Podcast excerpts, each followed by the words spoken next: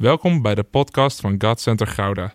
Vanaf deze plek willen we jou inspireren, motiveren en activeren om op een praktische manier je dagelijks leven met God vorm te geven.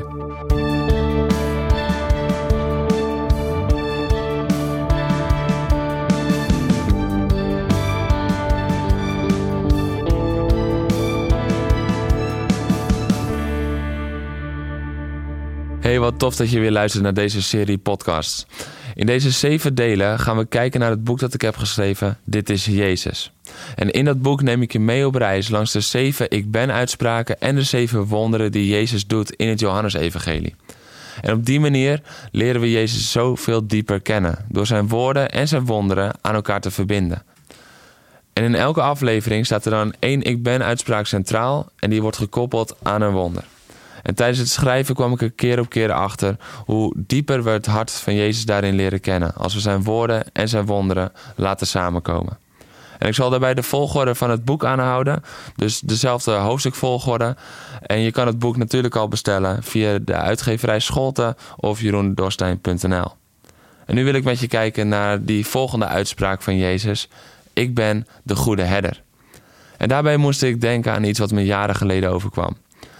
Het is een mooie zomer, warme zomeravond in juli 2012. En vrienden hebben me uitgenodigd voor een potje voetbal. Zomeravondcompetitie. En de wedstrijd gaat gelijk op, er wordt leuk gespeeld, er is een gezellige sfeer. Maar in een paar seconden wordt voor mij alles anders. Er wordt een diepe bal gespeeld en als spits duik ik tussen de laatste lijn en de keeper. Ik ben sneller dan de verdedigers en speel de bal net voordat de keeper uitkomt voor me uit. De bal gaat voorbij de keeper, maar ik niet. Mijn enkel en mijn kuitbeen worden geraakt door zowel de keeper als de verdediger die te laat komt inglijden. En terwijl mijn been nog in de lucht hangt, hoor ik mijn enkel breken, voel ik mijn voet zwabberen en val ik op de grond. En ik heb veel pijn, te veel pijn om te gillen op dat moment, maar ik maak snel duidelijk dat de ambulance moet komen. En de pijn komt opzetten en het is alsof er continu een volgeladen vrachtwagen over mijn been heen en weer rijdt. En ik lig daar op de grond en ik weet dan, in deze ene fractie van een seconde zijn de komende maanden bepaald. Uiteindelijk, mijn enkel is op twee plaatsen gebroken en na een geslaagde operatie, vijf dagen bedrust in het ziekenhuis en zes weken tijdens een heerlijke warme zomer thuis op de bank met gips, mocht eindelijk dat gips eraf. En dat is natuurlijk reden voor een feestje. Totdat. Totdat de dokter zei dat ik erop moest gaan staan. Ik keek de beste man aan en ik dacht dat hij gek was geworden, maar hij was bloedserieus. En ik kreeg geen hand aangereikt om steun te geven. Nee, alleen de woorden: ga erop staan. Ik keek hem aan en hij keek terug en hij zag mijn ogen vol ongeloof en hij zei: Ik meen het, het kan echt. Na lang twijfelen ging ik langzaam staan op het been dat ik ruim zeven weken niet had gebruikt. Het deed pijn, heel veel pijn. Ik had de tranen in mijn ogen staan, maar mijn enkel hield het. Mijn enkel was heel. Ik stond weer. Na zeven weken. Voor het eerst. En terwijl ik sta, gaat die dokter verder. Hij vertelt me dat ik erop moest gaan staan waar hij bij was voordat ik wegging, omdat ik het thuis niet alleen had gedurfd. Ik zou pas dagen of misschien zelfs weken later op het punt komen dat ik zou durven gaan staan en dat zou het genezingsproces ontzettend hebben vertraagd. En misschien zelfs wel hebben tegengewerkt. Langzaamaan begin ik te begrijpen wat mijn dokter bedoelt. Deze man blijkt wel het beste met mij voor te hebben. Iets wat ik een paar seconden eerder nog niet helemaal voor ogen had. En zou dat dan de reden zijn dat ik geen hand toegereikt krijg van hem? Ik heb een vraag. Was deze arts een slechte of een goede arts? Hij liet me niet gaan voordat ik erop had gestaan. Hij hielp me niet. Hij ondersteunde me niet. Ik moest het zelf doen. Mijn gewicht moest erop leunen. Hij was een goede arts. Terwijl ik zijn woorden niet fijn vond, niet goed vond. En soms is het ook wel zo met Jezus. Hij stelt soms vragen die we niet vinden passen bij de goede herder. En als Jezus bij de verlamde man bij het bad van Bethsaida komt, dan vraagt hij aan deze man: Wilt u gezond worden? En we zien Jezus dan geen hand uitstrekken, maar alleen zeggen later: Sta op en loop. En natuurlijk kan je deze zeven weken die ik heb doorgemaakt niet vergelijken met de 38 jaar dat deze man verlamd was. Maar zou die verlamde man bij dat bad van Bethsata zich dan ook zo hebben gevoeld? Dat Jezus komt bij dat bad. En natuurlijk heeft hij gehoord over wie Jezus is, want iedereen vertelde over hem en de geweldige wonderen die hij deed. En hij ligt daar al, 38 jaar verlamd. En dan komt Jezus zomaar zijn situatie binnenlopen. De Messias, de redder. Sommigen noemen hem zelfs de Christus.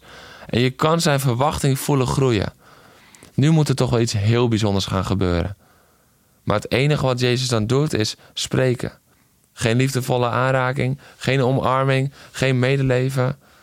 Nee, alleen die vraag: Wilt u gezond worden? Wat moet ik daarmee? En later alleen die opdracht: Sta op. Heb jij ook wel eens een verwachting van Jezus die niet uitkomt?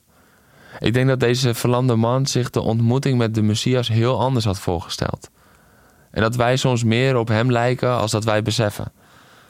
Deze man ligt hier al zoveel jaar verlamd bij het bad. En het bad was een plaats waar hoop in leven werd gehouden, omdat er soms, als het water ging bewegen, genezing was, maar waar echte dromen geen doorgang vonden. We zien dat ook als de man tegen Jezus zegt: Heer, als het water gaat bewegen, dan is er niemand om mij erin te helpen. Ik probeer het wel, maar altijd is er één voor mij het water in. Ja, het is een plaats van hoop op genezing, maar tegelijkertijd is het een plaats ja, van confrontatie met je tekortkomingen, je pijn, je falen, je onvermogen. Een plek bij het bad lijkt een zegen, maar in werkelijkheid is het vaak de plaats van frustratie en teleurstelling. Maar dan komt Jezus. En ik zeg je eerlijk, toen ik dat las, dat gedeelte, dat verhaal, merkte ik dat ik verontwaardigd was. Hoe kan je zoiets vragen aan iemand die al 38 jaar, 38 jaar verlamd is? En Jezus wist het. En hoe kan de goede herder dan zoiets vragen? Wilt u gezond worden? De goede herder zou toch wel zijn hand uitreiken, een liefdevol woord geven of een aanraking. En in mijn boek werk ik dit uitgebreid uit, maar ik verklap je alvast de uitkomst. Jezus vroeg dit omdat hij een groter plan had. Niet alleen lichamelijke genezing, maar ook in zijn ziel en ook in zijn geest. De goede herder kijkt namelijk altijd verder dan wij. Hij weet beter wat wij nodig hebben dan wij.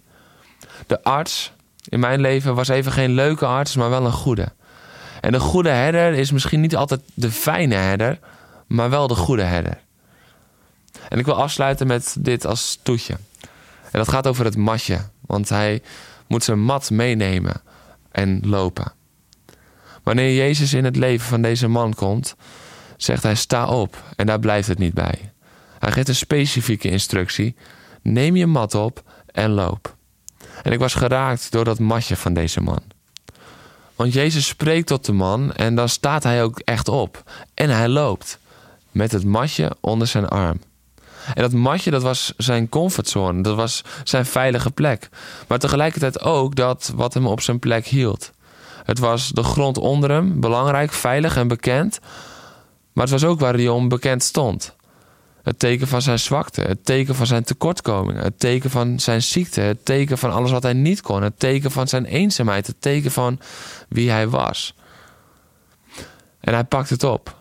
En niet langer is het de mat die bepaalt wie hij is. Maar voor het eerst heeft hij de mat niet meer nodig. En hij gaat er niet op liggen. Hij gaat niet liggen waar de mat ligt. Maar de mat gaat waar hij staat.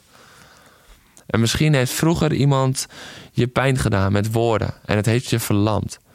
Je bent op een mat gaan liggen. Een mat van afwijzing. En afwijzing is misschien zelfs wel een soort comfortzone geworden.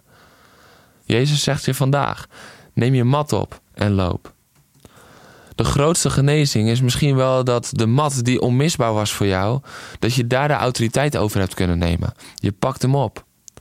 De mat die jou gebonden hield, die bepaalde wie jij was, die een stempel op jouw leven drukte. Die mat mag nu een teken worden van wat God heeft gedaan in jouw leven. En dat is getuigen over zijn goedheid, over zijn grootheid. Dat is het bewijs van zijn kracht. De goede herder kijkt niet alleen naar wat jij denkt nodig te hebben, maar hij geeft wat je echt nodig hebt. En hoe mooi is het om zo te zien dat die ik ben uitspraken en wonderen zo samenvallen en dat samen te behandelen. En hopelijk lees je het hoofdstuk in het boek ook. En dan zal je zien dat dit nog veel dieper gaat en het zal heel dichtbij komen. Maar zo krijg je vast een voorproefje van die mooie openbaringen. Ik hoop je heel snel weer te zien bij de derde podcast, waar we gaan kijken naar de volgende Ik Ben. Tot dan.